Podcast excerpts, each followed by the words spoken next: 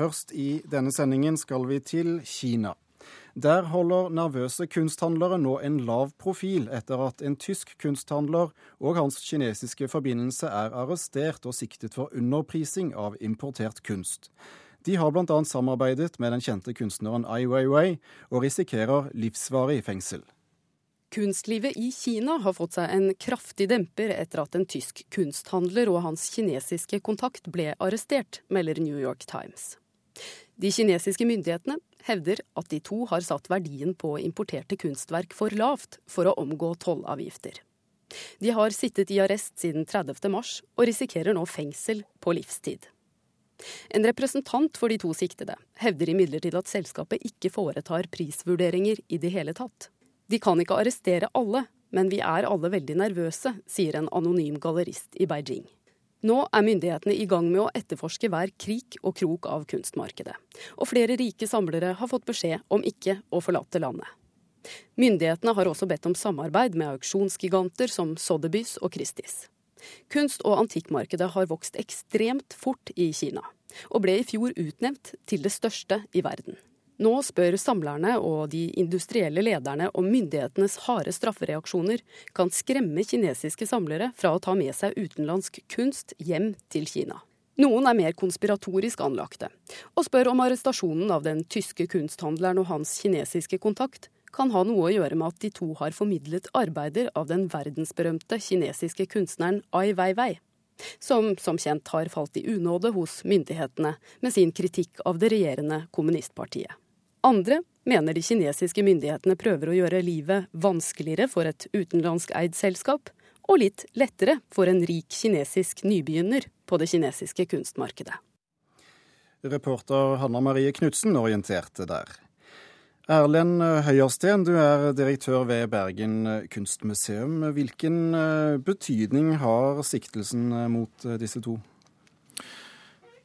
Det er kanskje litt tidlig å si eh, om dette er et eh, mønster som vil gjenta seg fremover. Men dersom det er et mønster som gjentar seg fremover, eh, så kan man jo anta at kanskje, interessen rundt den kinesiske samtidskunsten vil dale. Nettopp fordi det er, vil være så mange komplikasjoner både knyttet til å vise den i gallerier, i museer og i andre sammenhenger i Vesten. Eh, sett at disse to blir dømt, eh, det, det, gjenstår jo å se. Eh, men hva slags konsekvenser kan det føre til for kunstmarkedet? Det er jo klart at altså, Når det gjelder samtidskunst, så er det helt avhengig av oppmerksomhet og synliggjøring og, og visning på eh, viktige og riktige steder. Og det er klart at eh, Hvis man får inn eh, en slik frykt i, knyttet til dette markedet, så, så, så vil jo kanskje det være de kinesiske kunstnere som på sikt lider under dette. Nettopp fordi de ikke får eksponert sin kunst. Eh, vi har også med oss Henning Christoffersen, eh, Kina-ekspert i det norske Veritas. Vi vet jo ikke om dette er ny propaganda, eller om de faktisk eh, driver med snusk, disse kunsthandlerne. Men hva, hva tenker du om denne saken? Vi kan vel begynne med å tenke at det er litt begge deler. Jeg tror nok at den saken her, den, den, sier noe om kunstmarkedet i Kina. Den sier også noe om kinesisk eh, lov og rett. Men den sier nok også noe om en praksis som har vært i dette markedet her i en, eh, en viss tid, og som myndighetene nå eh, går inn og sender et ganske klart signal om hva de eh, mener om. Ja, har, har, myndighetene uansett uh, skyldspørsmålet her, har de et behov for å, å markere seg, sette den foten? Ja, tydeligvis så har de det. Eh, hva det behovet kommer av, det er ikke så godt å si. Det, er, det som vi vet, er jo det som allerede ble sagt. altså Kina er nå verdens største kunstmarked. Ergo er det big business i dette markedet. Eh, og, og det er klart at de skattene som da eh, unndras i dette markedet, det er jo en opplagt motivasjon for myndighetene til å, til å få, få, tak i de skatteinntektene. En annen ting som mange hevder, er jo at kinesiske myndigheter eller statseide selskaper, kinesiske selskaper, vil ta denne businessen selv, eh, skatt eller ikke skatt. Så, så, så det, er, det, er, flere teorier om hva som ligger til, til, til grunn her. Men det er litt tidlig å, å si. Ikke, eh, det er ikke så mye presedens, og det er ikke så mye tidligere saker som ligner på dette. her, så, så vi vet ikke så veldig mye ennå. Eh, Høyersten, du er i ferd med å, forberede en utstilling med kinesisk kunst til høsten på Bergen kunstmuseum. Hvor, hvor komplisert har det vært å få i stand den? Det er jo klart at uh, Vi merker jo det at det er noe mer komplisert enn en annen utstilling som kommer fra et annet land i Vesten. En er jo selvfølgelig de kulturelle forskjellene. uh, og hvordan kommunikasjonen endrer, uh, arter seg. Men det andre merker vi jo at det er veldig mye mer byråkrati. Eh, det er et større og et annerledes regelverk enn det vi er vant til å operere med i, i en vestlig kontekst. Så, ja, hva, så, hva tenker du på da? Nei, nettopp som gjelder akkurat denne saken her, utførsel av kunst fra Kina. Og La oss si at uh, innenfor eh, både et europeisk og amerikansk eh, kontekst, dersom vi ønsker å låne verk fra kunstner eller gallerist, så er det en relativt enkel affære, et relativt enkelt dokument som skal redegjøres for, for at vi kan få vise dette, under forutsetning at dette går tilbake, og ikke vi selger dette på fremmed jord.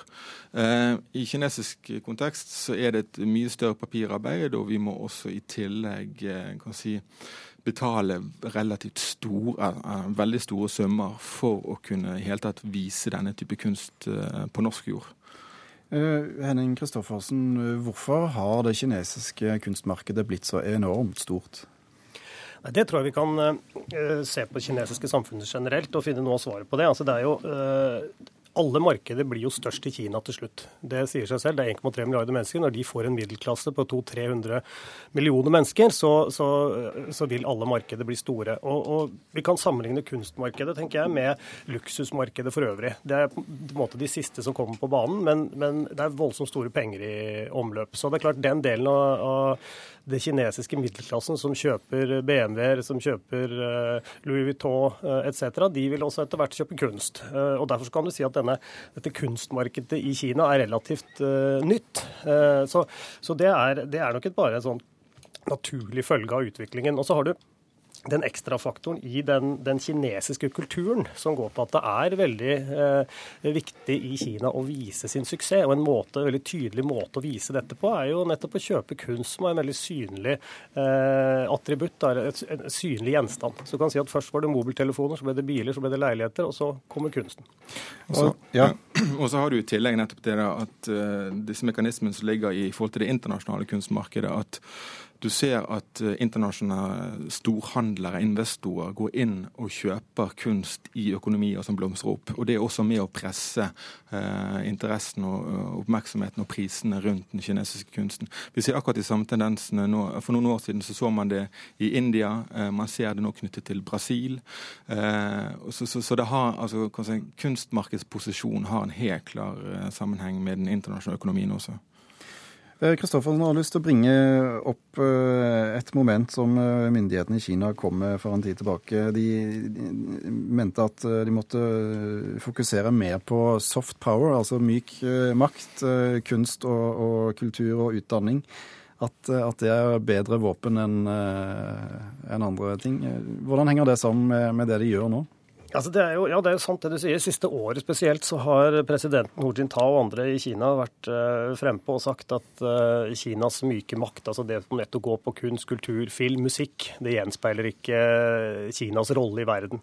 Uh, og, og, vil da ta kampen opp med først og fremst USA da, og USAs påvirkning. Så, så det er klart at der, der, der, er det et paradokset for kinesiske myndigheter at på, de, de, vil to ting. Da. De vil at kinesiske filmskapere, musikkskapere, kunstskapere, malere skal frem og opp og vises i verden. Samtidig så skal de kontrollere hva de viser og hva som gjøres. Og det er klart at Her, her er det lett å si at de møter seg selv i døren. Men, men, det er helt riktig at det er en del av det. Så, så, og hvordan dette passer inn her, det er litt vanskelig å si. Eh, de mest eh, paranoide her har jo også eh, nevnt at denne kunstneren Ai Weiwei, som har vært ganske kritisk av kinesiske myndigheter, hans kunst har jo blitt formidlet av dette selskapet som her er i søkelyset. Så, så det, er liksom, ja, det er litt sånn konspirasjonsteorier her, så jeg vet ikke om vi skal kaste oss på alle de, men, men, men, at kunst har jo selvfølgelig da en ekstra dimensjon. Det er ikke bare det kommersielle. Det er noe annet å kjøpe en BMW enn å kjøpe et kunstverk. Du kan formidle veldig mye mer i et kunstverk. Så, så kunstscenen i det hele tatt har en, et annet annet fokus i Kina enn bare et vanlig kommersielt eh, fokus. Altså. Vi skal eh, følge med på utviklingen. Tusen takk for at dere var med, Henning Kristoffersen fra Det Norske Veritas og Erlend Høyersten ved Bergen kunstmuseum.